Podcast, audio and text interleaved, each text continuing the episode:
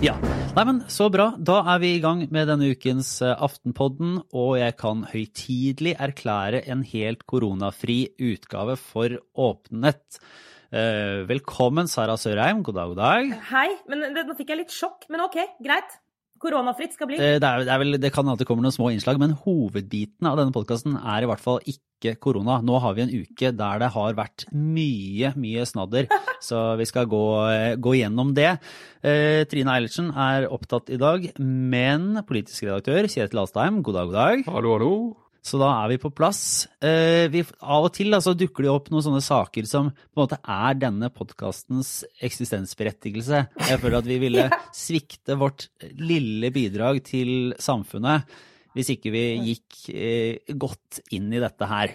Og da er det jo selvfølgelig eh, denne oljefondet-saken jeg snakker om. Denne saken her er altså så utrolig perfekt. Har, eh, så, så, jeg skal rett og slett bare si at her er, her er liksom andedammen altså i kok. Jeg har jo tatt på meg rollen å være andedammens ansikt i noen sammenhenger. Eh, først motvillig, nå har jeg bare innsett at det kommer jeg meg ikke ut av. Her plasker jeg rundt. Men bare herlig. Dette, ja. Så jeg bare gleder meg til sendingen. Det egentlig var poenget mitt. Nå skal du få fortsette. Ja, men, det, men dette, er liksom, dette er mer av andedammen enn det du får være med i òg, for du var ikke invitert. Nei, og det må jeg si. At det er alltid noen ting man ikke vet om. Det er alltid liksom another level av, eh, av gøye ting man ikke blir bedt på. Eh, sånn at eh, Jeg visste ikke at det fantes sånne fly engang, jeg. Som det Tangen brukte når han fløy disse hva er det han kaller det for noe? Ressurspersonene over til USA. At det finnes sånne fly som man kan ta. Så nei, så, sånn sett så, så, er jeg også litt sånn fylt av både undring og litt sånn Hva heter det på internettspråk? FOMO? Ja, det, ja nettopp. Ja, det, ja. Uh, og Kjetil, du er jo for deg så er jo dette en slags eh, hverdagslig ting, er det ikke det? Du som er en Bilderberg-veteran, og jo er den, den, i dette panelet i hvert fall som har mest erfaring med den type sånn utrolig eh, shady nettverk og Chatham House Rules-konferanser. Ja, ja, ja. Så, det, dette er jo hva skal vi si, litt sånn mini-Bilderberg, da. Så det er ikke the real thing. Men det, det jeg syns det var en kjempegod sak fra VG, og det som var litt interessant å se litt Eh, reaksjonene på den med en gang etterpå. Der det ene var eh, spørsmålet om VG her insinuerte for mye om hvordan dette seminaret kunne ha påvirket eh, ansettelsen. Og det Man kan selvfølgelig diskutere sånn, detaljer i hvordan saken ble fremstilt, men det er noe med at uh, sakens faktum da, og, og, og, tidslinje i seg selv gjør at man stiller noen spørsmål. Og det er, det er på en måte helt naturlig. Og så må man gå inn og se i hadde dette reelt sett noen betydning? Og så har du den andre reaksjonen, som var sånn dette var bare typisk eh, misunnelse og sånt. Det er, som, jeg, som jo, jeg mener er en helt på siden-reaksjon. Du må eh, du må jo, eh, Det å avdekke den type nettverk og forbindelser er jo superinteressant og viktig å få frem. Og, og viser igjen at eh, åpenhet er, er, lurt i de fleste sånne sammenhenger. Ja, men Lars, bare si det, Hvis man ikke blir misunnelig uh, av å lese om den saken, da er du jo ikke menneske. Altså, jeg, jeg Misunnelse mener jeg er som en helt naturlig førstereaksjon. Sånn, det må være gøy å være den gjengen der og få gjøre de tingene der. Uh, jeg er misunnelig på dem. Ja, og så Vent nå litt. Ja. Men hadde det vært så lurt, og burde man, bla, bla, bla. Og så er vi over i, i det som jo egentlig er kjernen. For jeg sier at Det er jo, det er jo ikke misunnelsen. Misunnelsen trenger ikke å være en sånn Det er jo ikke en altoverskuende og dominerende følelse. Det, fin, det fins jo på en måte, Du kan ha det i bakgrunnen og fremdeles ha saklige innvendinger. Men Kjetil, hvis du skulle liksom, når du, etter å ha lest den første saken, og du snakker om måte, spørsmål som dukker opp, eh, hvis du skulle oppsummert, hvilke spørsmål var det du stilte i etterkant av det som du tenkte var, var viktigst å få, få svar på? Det er jo en sak som Det har jo utviklet seg eh, gradvis gjennom, gjennom dag, dagene, dette her. Og det er jo litt sånn merkelig sammensetning av folk. Og det er vel også det som gjør at, eh, at det er blitt litt uh, uklart hva det egentlig var, og i hvilken rolle folk var der. Var de venner, var de forretningsforbindelser, var, var de uh, ja, ressurspersoner som har gjort det litt rotete for flere her, da, når de skal forklare og forholde seg til det at de deltok, og, og nå i etterkant kommer og når du ser reaksjonen, så er det noen som da som på en måte skal rydde opp litt, ved, og så er de litt overforsiktige igjen. Sånn som uh, når uh, regjeringsadvokat Fredrik Sejersted skal rapportere inn dette som en gave, uh, selv om det sannsynligvis er godt under det som er en skattepliktig gave eller, eller rapporteringspliktig gave, eller når, når departementet, Næringsdepartementet nå skal betale for måltidene for Torbjørn Røe Isaksen, at man på en måte går et skritt lenger enn man kanskje egentlig hadde trengt å gjøre for å være på den sikre siden, og så ser det ut som man innrømmer en større feil enn man nødvendigvis har gjort. Så det, er, eh, det, er, det, er liksom, det blir litt overslag den veien også. Mm. Jeg må si, jeg, jeg, jeg leste jo den eh, første saken, og jeg syns det er jo helt måte, fantastisk lesestoff. Eh, fordi det jo er så mange elementer. Og det, det gjør jo at, at, det er mye lettere for folk egentlig fra alle kanter å gå inn i den saken her og, og, ta stilling til ting. Ikke sant? Det er det derre eh, flyet som er charta, som er liksom spesialdesigna, og så, så mange plasser og serverer eh, mat og drikke og alt mulig rart underveis. Eh, og så er det til liksom den business-skolen som også Donald Trump gikk på. Er det ikke det? Og mm. eh, med liksom, artister, Sting til ni millioner, kan, liksom, det kan man le av, eller, eller eh, sånne ting. Og det er eh, sånn masse, Her er det kjentfolk, og her er det ulike eh, personer som kommer og er med. Og det, det der nettverkshistoria og hvordan de kjenner hverandre, det er jo utrolig fascinerende og da vil jeg si, sånn viktig og interessant. Og det, det å vite at dette faktisk skjer, er jo litt sånn overraskende. fordi jeg må innrømme at det er jo en verden som, som, folk flest absolutt aldri får innsyn i. Ja, og det er der kanskje denne saken uh, har sin på en måte berettigelse, først og fremst. Iallfall den første saken i VG. den jeg er enig med deg, Lars. Det er en historie som er verdt å fortelle. Det, er, det har offentlighetens interesse at mennesker i den sfæren møtes og gjør, gjør disse tingene sammen. Som andre tar en tur i parken, og de, de gjør dette.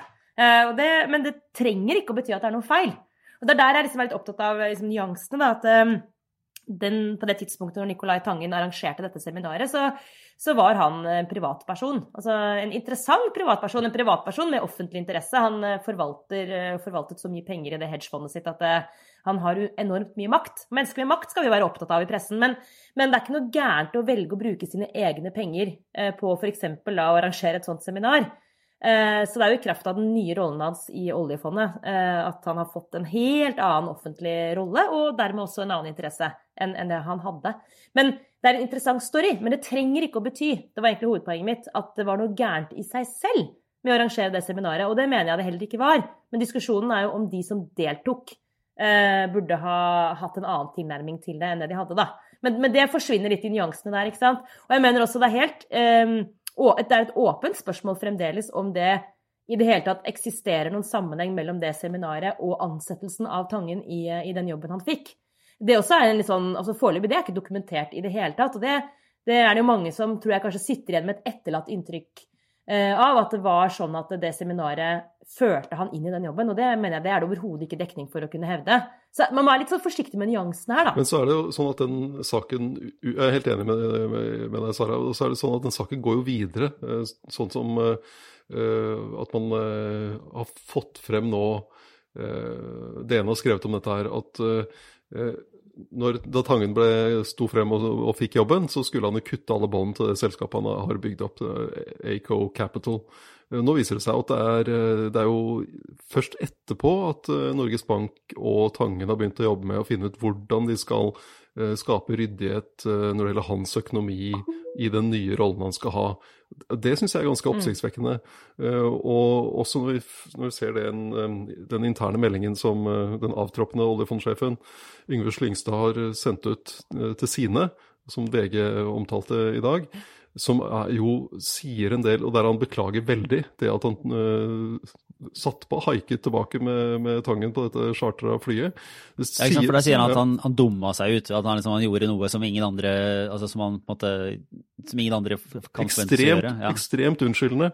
Ja, og det sier noe om den kulturen som, som er i fondet i dag, og som Slyngstad har brukt tid, mye tid på å bygge opp og som blir en kontrast mot hele denne, dette Tangen-seminaret, og hvordan han sauser sammen venner og kjente og, og, ressurspersoner. Så det som også som stiller hele den ansettelsen litt Det kommer noen spørsmål der om har han de rette verdiene, har han den rette innstillingen til å ta den jobben. Så det, mm. det, det er En ting er det seminaret, men det er noe med hva en sånn sak utløser etterpå. Det er så rart. Det er jo en sånn sak som, som, eh, mange angriper fra forskjellige kanter. Og det kommer veldig mange sånn Ja, men dette Det er lov å stille spørsmål, og her må vi stille spørsmål ved Og så blir det en sånn Man kaster seg over veldig mange små detaljer som altså, kan eller ikke kan ha sammenheng. Og jeg må jo si at jeg blir litt sånn sliten av noen sånne eh, intervjuer, liksom debatten på NRK, der det blir sånn veldig mye spørsmål om sånne hvorfor sendte du en mail, og hvorfor tok du kontakt med Slyngstadtangen? Eh, på, på, ting som Det er jo interessant å få fram fakta på hva som har skjedd og hva som har vært av kontakt, men det blir litt søkt av og til å tenke i de mest konspiratoriske baner. Da. Fordi sånn som det, Jeg ville også tenkt at det var veldig unaturlig hvis en søker på en toppjobb ikke tok kontakt med vedkommende som har den fra før. Det virker ganske naturlig. Jeg, hvis, jeg skulle, hvis jeg skulle gått til NRK, så ville jeg jo ringt noen jeg kjenner i NRK, eller den som har den type jobb, og spurt hvordan man har det. Men eller er det annerledes for en toppleder eller en så sensitiv stilling som, som leder av oljefondet? Jeg vil jo si at det eh, uansett ikke er opp til Tangen å vurdere om det er riktig eller ikke å svare på den henvendelsen. Altså, og det er det, altså, Jeg er helt enig med deg, Lars, at det blir et sånn saus her. For det er noen sider ved denne saken som jeg mener er alvorlig og som er helt sånn riktig at det får kritikk. Og så er det andre ting som jeg tenker at vi eh, rett og slett bare må tenke at det er helt normal oppførsel fra Tangens side å ta kontakt med Slyngstad. Og så er det Slyngstads vurdering, eh, tilsynelatende i hvert fall, å ikke svare Tangen, ikke gå i det møtet. Det høres ut som en lur og god vurdering fra Slyngstad sin side. Men, eh, men Tange på det tidspunktet er en privatperson som er interessert i en jobb, og, og jeg, synes, jeg, er enig med deg at det blir liksom merkelig å skulle la være å ta den kontakten. Det er i hvert fall ikke hans ansvar eh, hvis det er noe feil med det på det tidspunktet der. Når han er liksom bare ute etter informasjon. Eh, og det andre også er det med vennskap og kjennskap. Altså, det er generelt et problem i et lite land som Norge at veldig mange mennesker med makt kjenner hverandre, og det er jo helt åpenbart at det eksisterer en sånn eh, gruppe mennesker som rekrutterer hverandre, f.eks., uh, og som eh, kjenner hverandre, og som hjelper hverandre inn i jobber. Det, er, det, er, det, det fins, og det er et problem. Men helt konkret i denne saken, så at hodejegeren som eh, ble brukt i ansettelses, eh, ansettelsesprosessen, f.eks. at han hadde et visst kjennskap privat til Tangen, det mener jeg også er liksom ja vel, det er hodejegeres jobb. Altså Hele poenget med å være hodejeger det, altså det eneste unnskyld meg, men det de har å slå i bordet med, er jo at de, jo at de kjenner folk.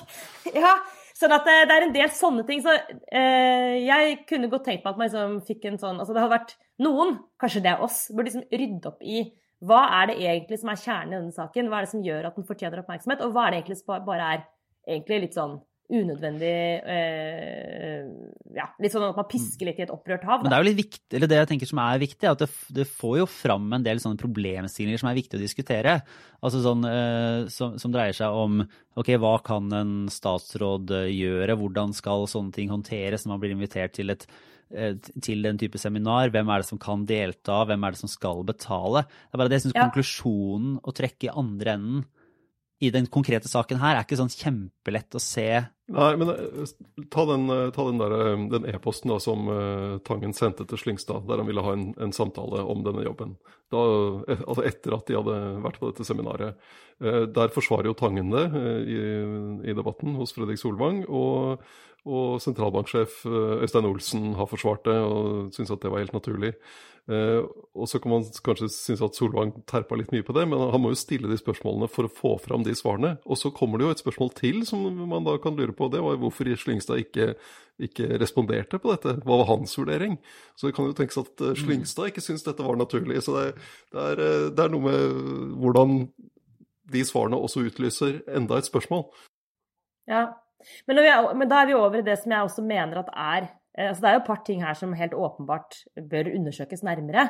Ehm, det er jo fint at eh, den typen dialog er, er underlagt offentlighetsloven, så at vi kan få det frem.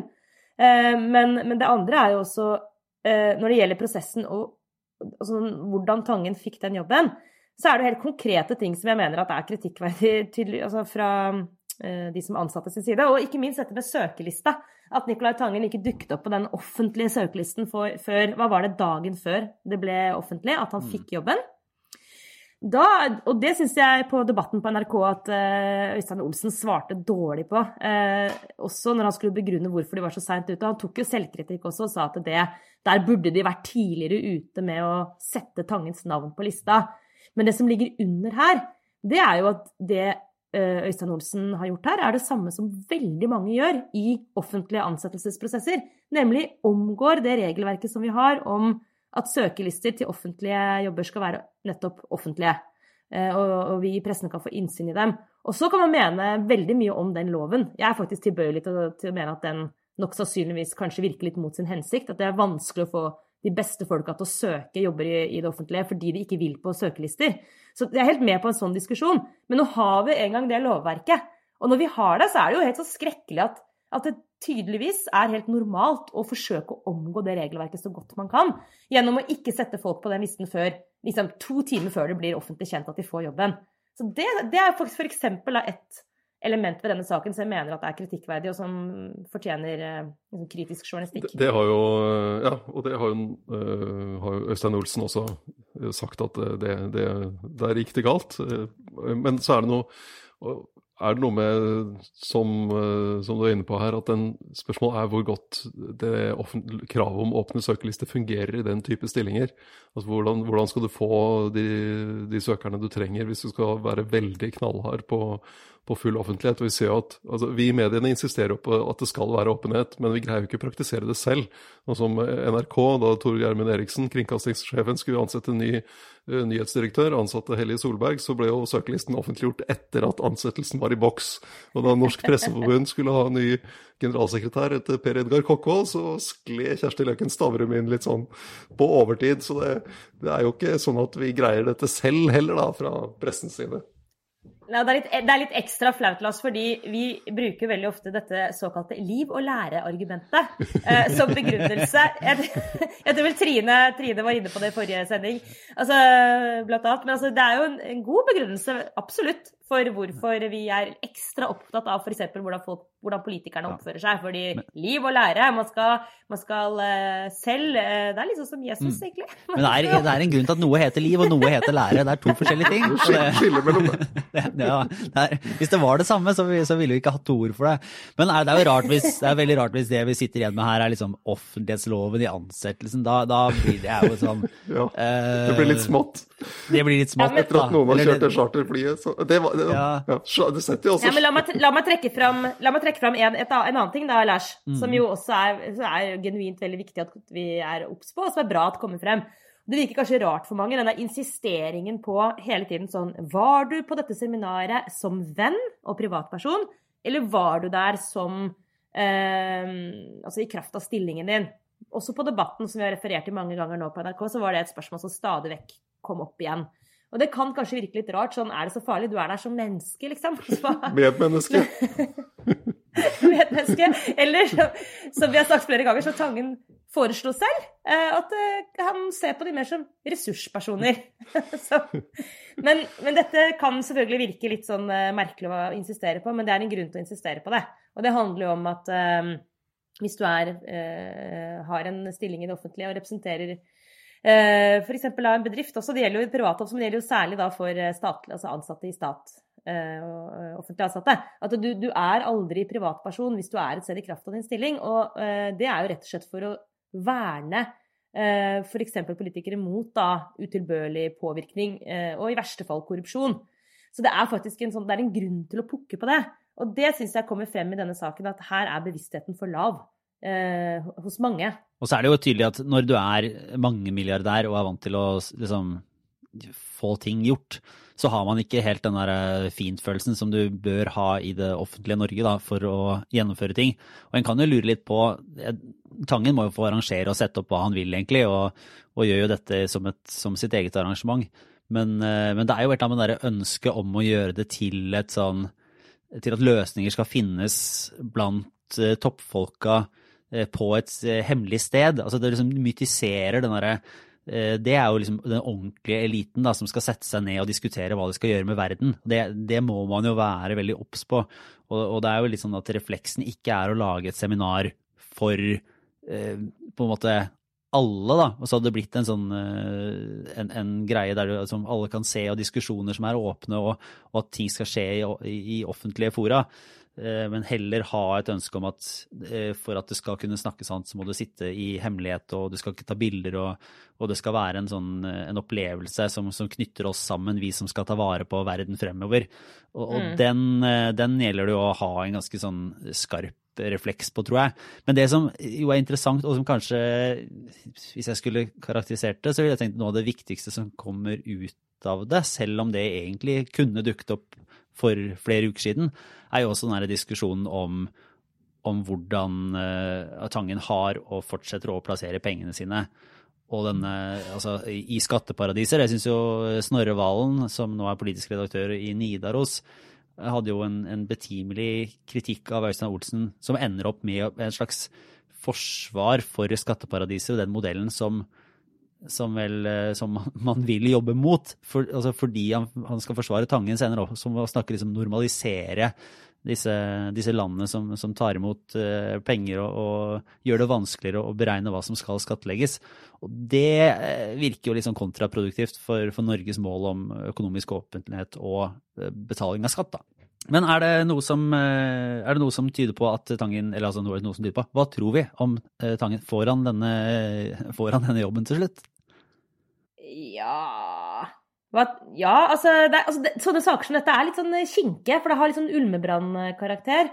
Eh, det, det, liksom, det, er grenser for hvor mange nye omdreininger man tåler også sånn rent sånn omdømmemessig. Det er ikke alltid at sånne saker handler om um, det konkrete i hva man har gjort og ikke gjort. Men eh, det handler jo, når du har den typen ekstremt tunge roller, så handler det også litt om Det var jo du inne på, Kjetil, det med om man som person um, blir oppfatta å stå for langt unna verdigrunnlaget til Eh, det selskapet eller den virksomheten du skal lede, så kan det bli en utfordring. Så jeg, ser, det, jeg skal ikke si noe helt sikkert her. Det kan jo være at, at, det blir oppleves til slutt som at det ikke går.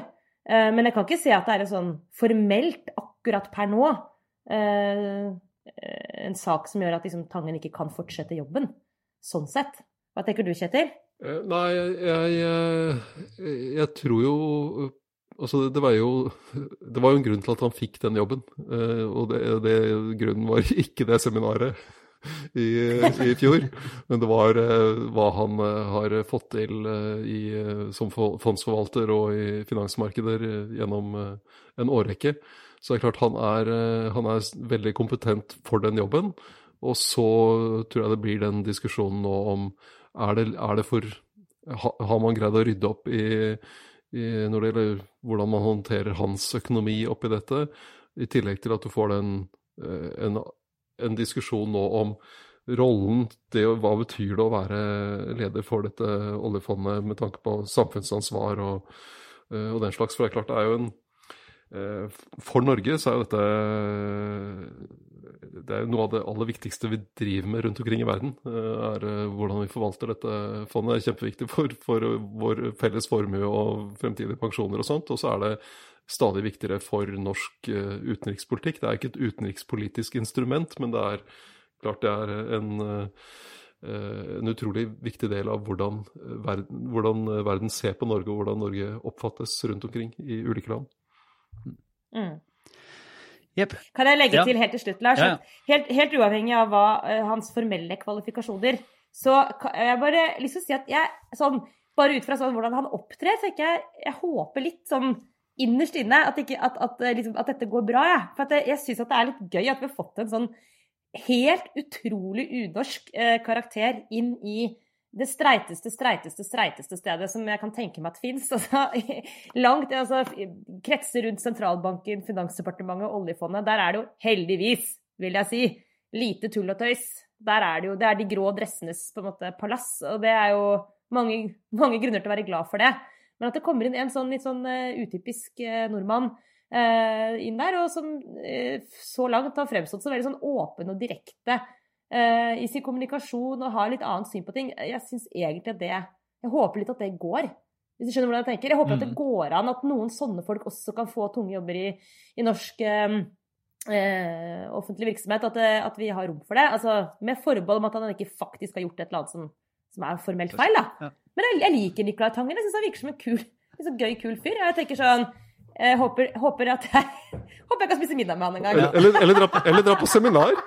Konsert. Ja, kanskje et seminar. Det hadde vært kult hvis han kunne samle en liten håndfull ressurspersoner Ja. og så bare ha kanskje, kanskje, kanskje litt musikk og så et par foredrag og et eller annet som gjør at jeg kunne si til sjefen min at det, det er en grunn til at jeg skal dra dit uh, Ja, så i ak- arbeidstiden. Ja, akkurat, akkurat nok til at det regnes som jobb. Det er, uh... Ja.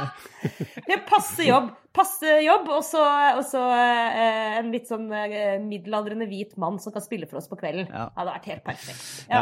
Nei, men jeg tror vi fortsetter inn i det som eh, må sies og har vært den mest sånn eh, Jeg vet ikke om det skal være etterlengta, men, eh, men en av de viktigste sakene i norsk politikk denne våren. Og hadde det ikke vært for koronakrisen, så hadde vi sikkert eh, vært mye mer diskusjon og, og fyr rundt dette i, i ukene som har vært. Ja, så Vi kunne hatt en aldri så liten regjeringskrise. Vi gikk, vi gikk jo og drømte litt om det eh, på et tidspunkt. Eh, misforstå meg rett nå, vi ønsker selvfølgelig ikke at det skal bli kriser overalt. Men altså, denne saken hadde jo på en måte Den bar jo bud om at det kunne bli skikkelig bråk. Men ja. Ja, ikke sant? Og det, det ble jo snakka om at, at eh, det dreier seg da om iskanten, som vi jo har vært innom i, i tidligere episoder, som, som ble sagt før Fremskrittspartiet uansett gikk ut av regjering, at, at dette var en sak som kunne bli så vanskelig at regjeringen ville sprekke. Og jeg tror Trine Skei Grande på et tidspunkt sa at hun eh, på en måte var mer bekymra eller så mindre fram til iskantsaken enn eh, potensiell lederstrid i Venstre. Og det har liksom, den har ligget der da, nettopp eh, fordi det har vært vanskelig å få en enighet. Men eh, nå sitter vi her på torsdag, og det, mye, hva skal jeg si, hovedkonklusjonene har vel allerede lekket ut. Og detaljene er ventet på, på fredag, når, når eh, regjeringen kommer med sin melding. Men det er altså da eh, hvor det skal være lov å lete etter drive oljevirksomhet i nord. Er det som er den aller korteste beskrivelsen. Mhm. Det det.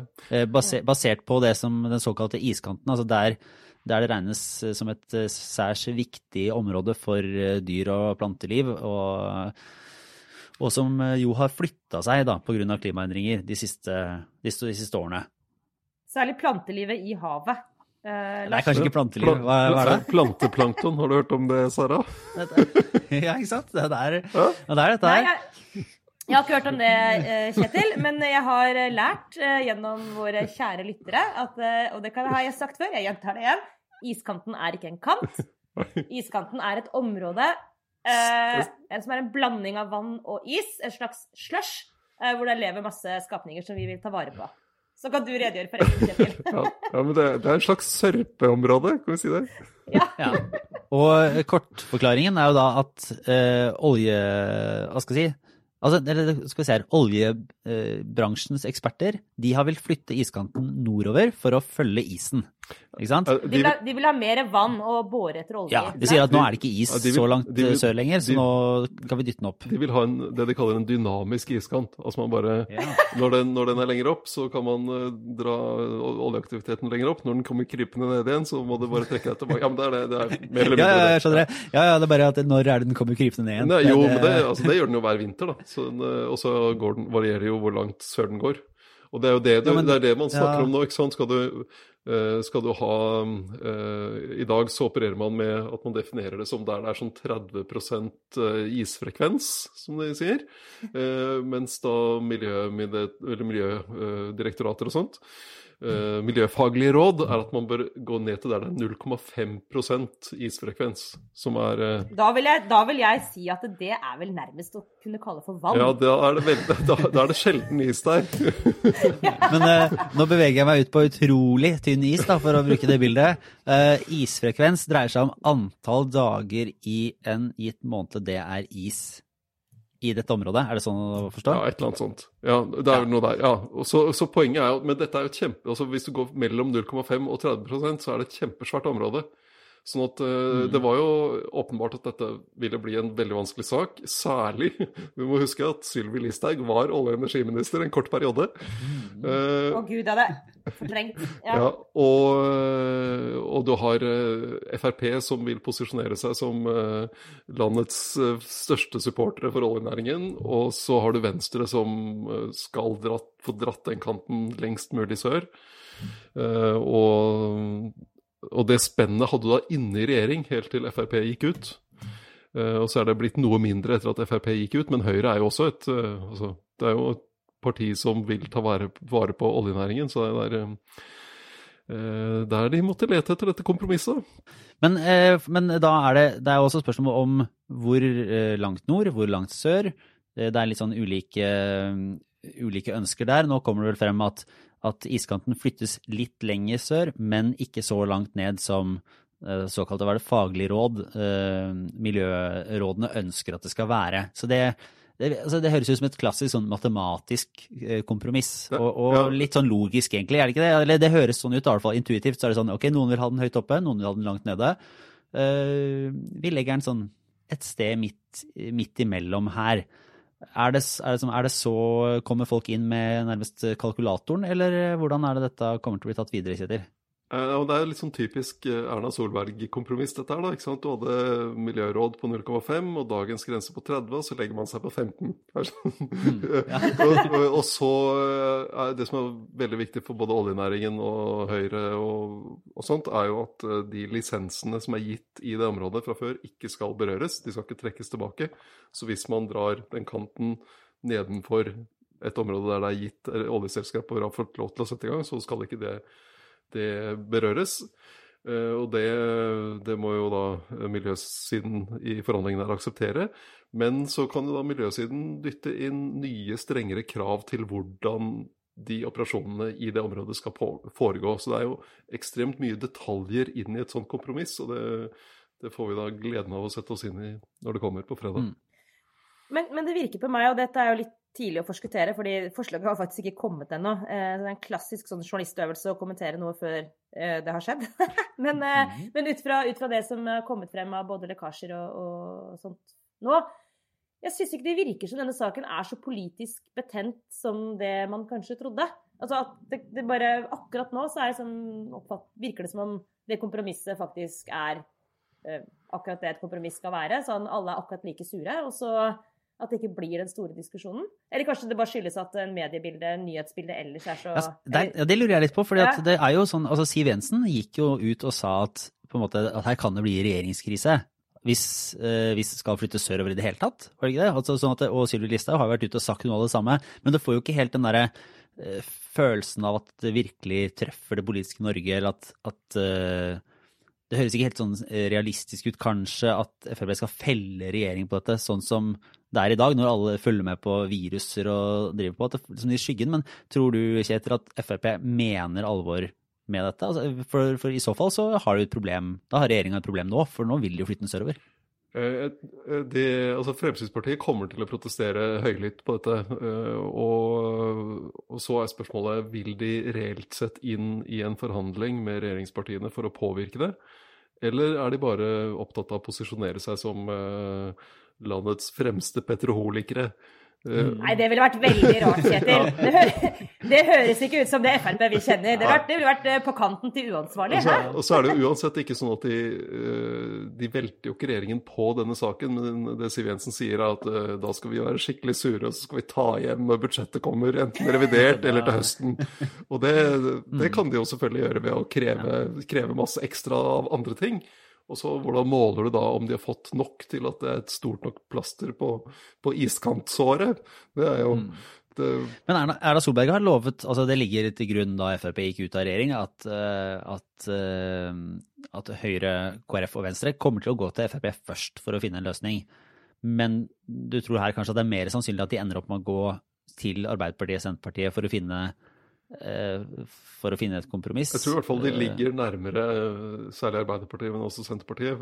I, Arbeiderpartiet trenger jo også et kompromiss her. For de har, ja. har jo noen av de samme indre spenningene som regjeringen har.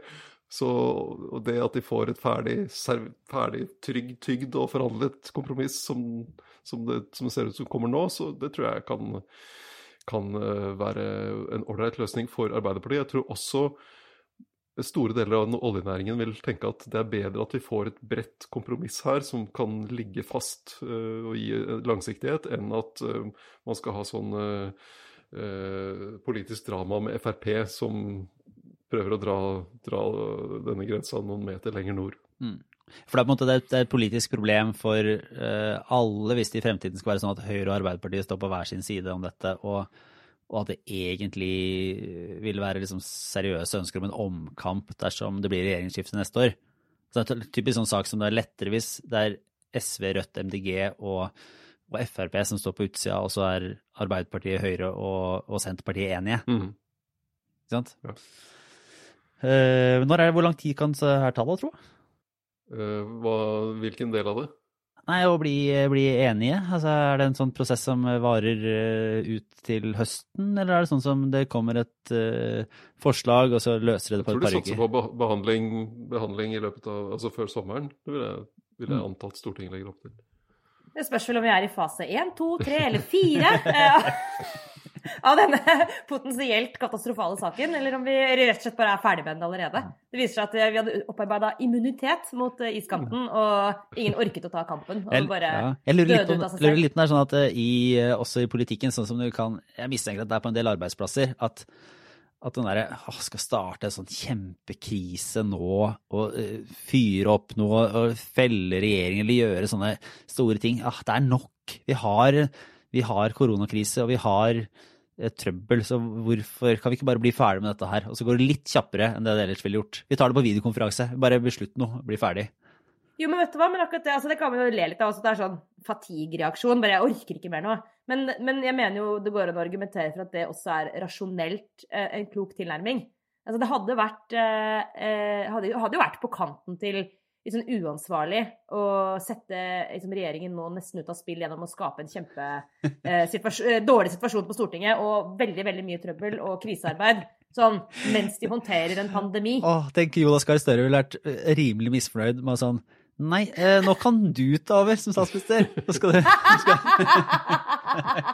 Har en oljepris under 20 dollar fatet. Eh, det er koronakrise over hele verden, og du skal få gjennom et eh, statsbudsjett for eh, 2021 og forberede et valg. Og, og, Eh, og, og en ting til, Lars. Frisøren er stengt, så folk ikke Ja. klipp, får ikke engang klippet håret før han skal til kongen. Vet du hva, Jeg vet jeg kan være litt kritisk til Jonas Gahr Støre innimellom, men dette unner jeg ikke han, altså. Det, det der, vet du hva, det hadde vært for trist. Han fortjener liksom en reell sjanse nå, tenker jeg, når han ikke har gitt seg. Så det Nei. Nei, Vi får håpe nå at eller på en annen side, hvis det skal være veldig konspiratorisk, så kanskje det, altså Visstnok har jo eh, Erna Solberg og Siv Jensen en veldig god eh, personlig relasjon. Så det kan jo være at Erna ber Siv om en tjeneste nå. Vær så snill, la meg slippe. Ah, Få satt inn Jonas. Ja ja. Nei, men, eh, men eh, det er eh, helt til slutt vel for så vidt bra. Kjetil, du som faktisk på ekte er engasjert at vi skal unngå klimakatastrofen.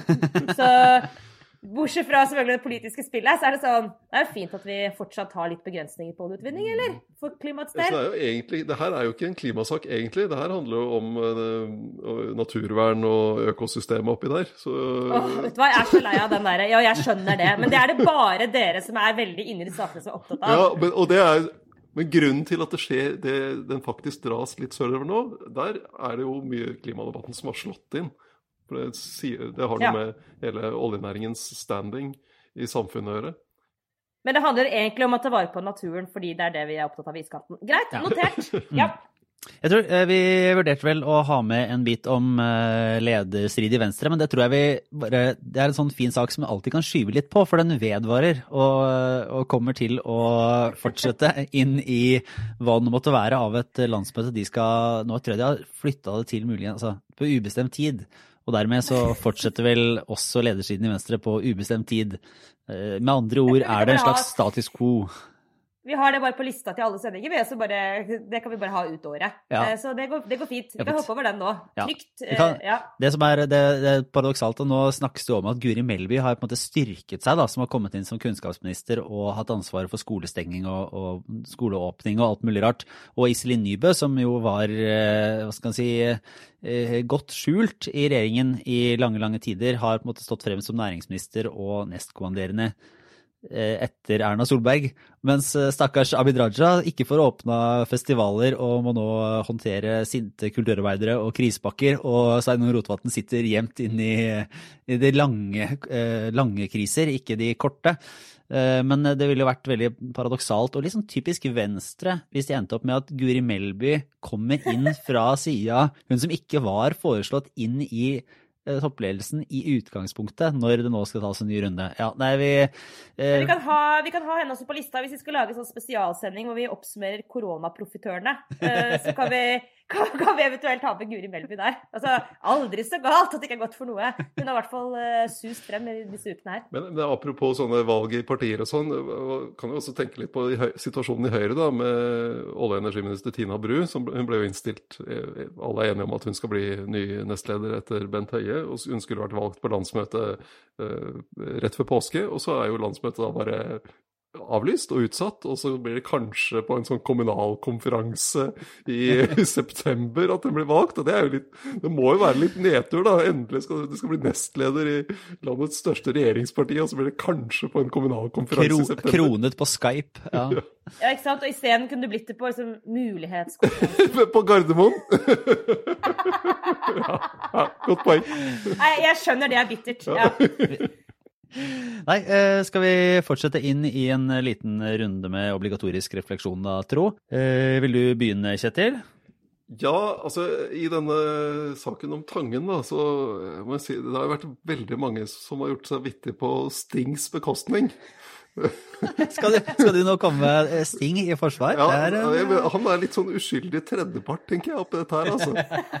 Og så folk driver og skriver på sosiale medier at og det verste var at de måtte høre på Sting og sånn. Altså, hallo, Sting, ja, ålreit fyr, han. har Lagd masse bra musikk eh, i Police-perioden og, og, og god tid på deler på 80-tallet og tidlig 90-tall, og så er det kanskje ikke så mye nytt og spennende etter det. Men eh, jeg har jo vært på to konserter med Sting.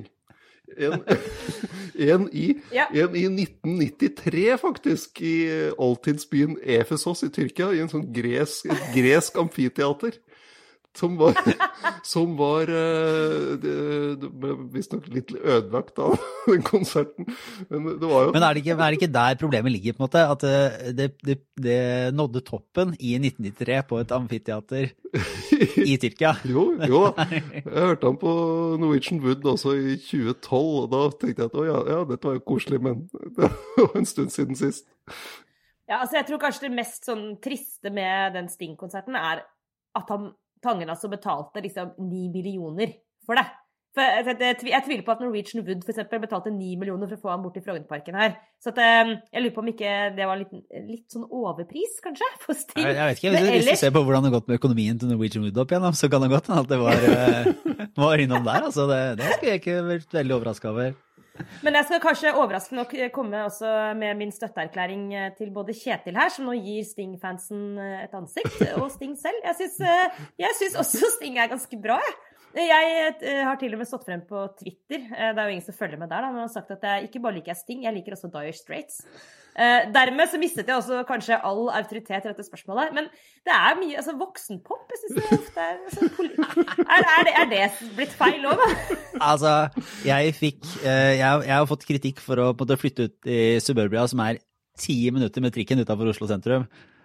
Du kommer ut som Dire Straits og Sting-fan, Sara. Her er det Altså, dette er et helt vent. annet nivå. Bare vent, det kommer til å bli hipt. Det, det kommer til å bli, eh, Plutselig en dag så er det Steely Dan de spiller. Når du kommer tilbake fra babybobla og går ut på byen igjen, kanskje du hører det på bar. På vinyl, Ja. faktisk, Lars. Vinyl. Ja. Men jeg, jeg må jo si jeg er veldig glad for at jeg ikke er på den der videoen fra seminaret. der disse ressurspersonene står foran og er med på allsang på Englishman in New York. Altså det. Kan vi bare dvele bare litt ved det bildet? Jeg håper alle våre lyttere har sett den videoen som VG publiserte. Så var det en diskusjon som presseetisk var det riktig å publisere videoen, for det var lagt ut av en privatperson, eller ressursperson, som har vært der. En venn av Tangen. Eh, Men jeg, akkurat nå kjenner jeg sånn Jeg driter i det. Jeg er bare så glad for at den videoen ble offentlig. Fordi det er Eller glad og lei meg samtidig. Glad fordi den er så utrolig morsom, men lei meg fordi den også er så grusom. Det er så flaut. Det er så sånn, eh, sånn hvit mann danser uh, til hvit mann. Her eh, er det ikke liksom, her, er- her er det ikke misunnelsen som ligger under, her er det den klassiske Ja, den gode, gode skadefryden som uh, også kan gjøre seg gjeldende når folk har blitt flydd verden rundt på, på superbusiness class. Også lett, lettelse, dyp, dyp, inderlig lettelse over ikke å være med på den filmen selv. Og så jøye meg så flaut. Ja. Jeg skal, ikke, jeg skal ikke røpe mye fra Bilderberg, men det var ikke Sting-konsert der. Eller dansing. Oh, jeg, skal, jeg kan egentlig fortsette da med å bare eh, ja, dyrke klisjeen eh, lite grann. For nå skal jeg først komme med en slags Dette er en fram, eh, framtvunget, men likevel inderlig nikk til eh, Snorre Valen, som tidligere var nestleder i SV og en dyktig politiker der, som nå har blitt politisk redaktør i nevnte Nidaros, eh, lokalavisa i Trondheim. Der har han også podkasten Børsen og Katedralen, som kan eh, lyttes til. Eh, og så har det seg sånn at jeg ved en tidligere anledning i eh, podkast har gjort eh, ganske hard, vært narr av eh, Snorre Valens intense Instagram-brødbaking. Ja, med rette, vil jeg si. Gjort narr av med rette. Med rette. Så, ja. Med rette. Ja. Og jeg er ikke der at jeg nå har Instagrammet oh, noe som helst. Men eh, et, det, her- det her er en slags eh, det er en straff fordi jeg endte med å få Snorre Valens oppskrift på et brød, fordi jeg nå har gått til anskaffelse i disse tider av en liten surdeig. Lars. Altså, dette må vi snakke om på ekte utenfor pod-sammenheng. Eh, Du er åpenbart i krise. Ah, altså, jeg har et aktivitetsunderskudd. Jeg sitter, uh, sitter hjemme og utforsker nå alle muligheter. Uh, Men men du kan trene, du kan løpe deg tur i skogen. Da har jeg et kontrollspørsmål for å finne ut av hvor dypt dette stikker, denne krisen. Har du uh, overnattet i telt eller, på, eller kjøpt deg en hengekøye? nei. Bra. Da er du ikke helt Harvest-mann ennå, men det er veldig, veldig eh, kort eh, vei til du har blitt Og da, det siste spørsmålet. Har du grodd sånn stort, buskete skjegg? Nei. Men å, Nei, nå skal jeg to ting her faktisk som kommer inn. Eh, digresjoner, men likevel. Eh, først så må jeg erkjenne at jeg var på et slags eh, jeg var på et jobbmøteseminar eh, ved Sognsvann i går. Fordi eh, det er en Av og til så må man møte mennesker på trygg avstand og følge alle regler. Da, for det første, så så jeg en sånn hengekøye, og så sa jeg at jeg begynner å bli litt uh, interessert i en sånn. Ja. Tidligere så har jeg slått dem liksom i hardkorn med sånne folk som driver og ba- balanserer på slak linje i Sofiemøparken, og de har jeg fortsatt ikke noe sympati med. Uh, men nå ser jeg at det kan Det ser litt fristende ut med en sånn hengekøye, men jeg, jeg avleder oppmerksomheten med det og sier at jeg også møtte på enhjulssykkel med sånn svært bustete skjegg Erlend Lo syklende gjennom skogen.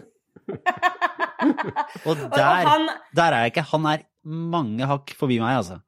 altså jeg vet ikke nå om vi refererer til ting som Om dette er et fenomen utenfor Oslo, men bare for å gjøre oppmerksom på hva vi snakker om nå, så er det altså koronamannen eh, som har vokst frem som en karakter eh, som jeg frykter at er egentlig på en måte den nye hipsteren. Og det er så trist. Jeg begynner å elske hipstere. Jeg tenker sånn Så godt vi hadde det når det var hipsterne vi lo av. For nå har vi fått en type menn, og de syns jo heldigvis bare på sosiale medier. altså Man kan jo skru av. Det er jo ingen mennesker noen andre steder uansett. Men altså, det er da sånne skjegg, skjeggemenn eh, med et intens, altså, intens interesse for natur. Uh, uh, kjøper sånne hengekøyer for å overnatte ute. Og så når de er hjemme, så lager de surdeigsbrød. Uh, og generelt er fryktelig irriterende. Og så er de opptatt av sånn sjølberging osv. Og, og, og, og så bor de liksom litt utenfor byen. Så, så Lars, du er i akutt fare. Jeg vet ikke med deg, Kjetil. Men eh, ja, det til, dette til orientering. Dette er et fenomen som jeg er litt usikker på hva vi skal gjøre med. Men Erlend Lo er selve ur-koronamannen. Altså, han var koronamannen før koronaen fantes. Faktisk, ja. Det var Ja. Jeg hadde egentlig, jeg hadde egentlig en annen liten ting også, men jeg nøyer meg bare med å anbefale en sak som kom i helgen fra altså The Times av London, som har jo lagd en, en slags gjennomgang og en god sånn bak i kulissene-reportasje om hvordan Boris Johnson og hans regjering håndterte koronakrisen da den kom, som er stygg, stygg lesning for eh, Boris Johnson. Det går, tar opp annet hvordan han ikke var på jeg tror det er fem sånne beredskapsmøter, såkalte Kobra-møter, som dreier seg om mulige kriser. eh, Der det kom informasjon som man kanskje burde hatt om eh, mulighetene for, for en, en hardtslående pandemi. Og at han tok mer eller mindre ferie i to uker i oppladningen til smitteutbruddet i London, i, i London. Og det er bare det er, det er virkelig det er sånn eh, jeg antar at kritikerne har frykta at Boris Johnson ville håndtere en krise. Eh, Sånn ser det ut i den saken. Eh, Så den er, det er veldig godt eh, lesestoff og veldig interessant og kan anbefales. Jeg deler den i eh, nyhetsbrevet. Og du da, Sara? Er du der? Jo, jeg skal Ja da, jeg er her. Jeg ble sittende og tenke på Boris, uh, Boris Johnson, faktisk. Og tenkte at uh, jeg tror også min intuitive reaksjon uh, på dette ville vært sånn Nå drar jeg på ferie. Jeg tar dette, nå, jeg bare kommer meg unna.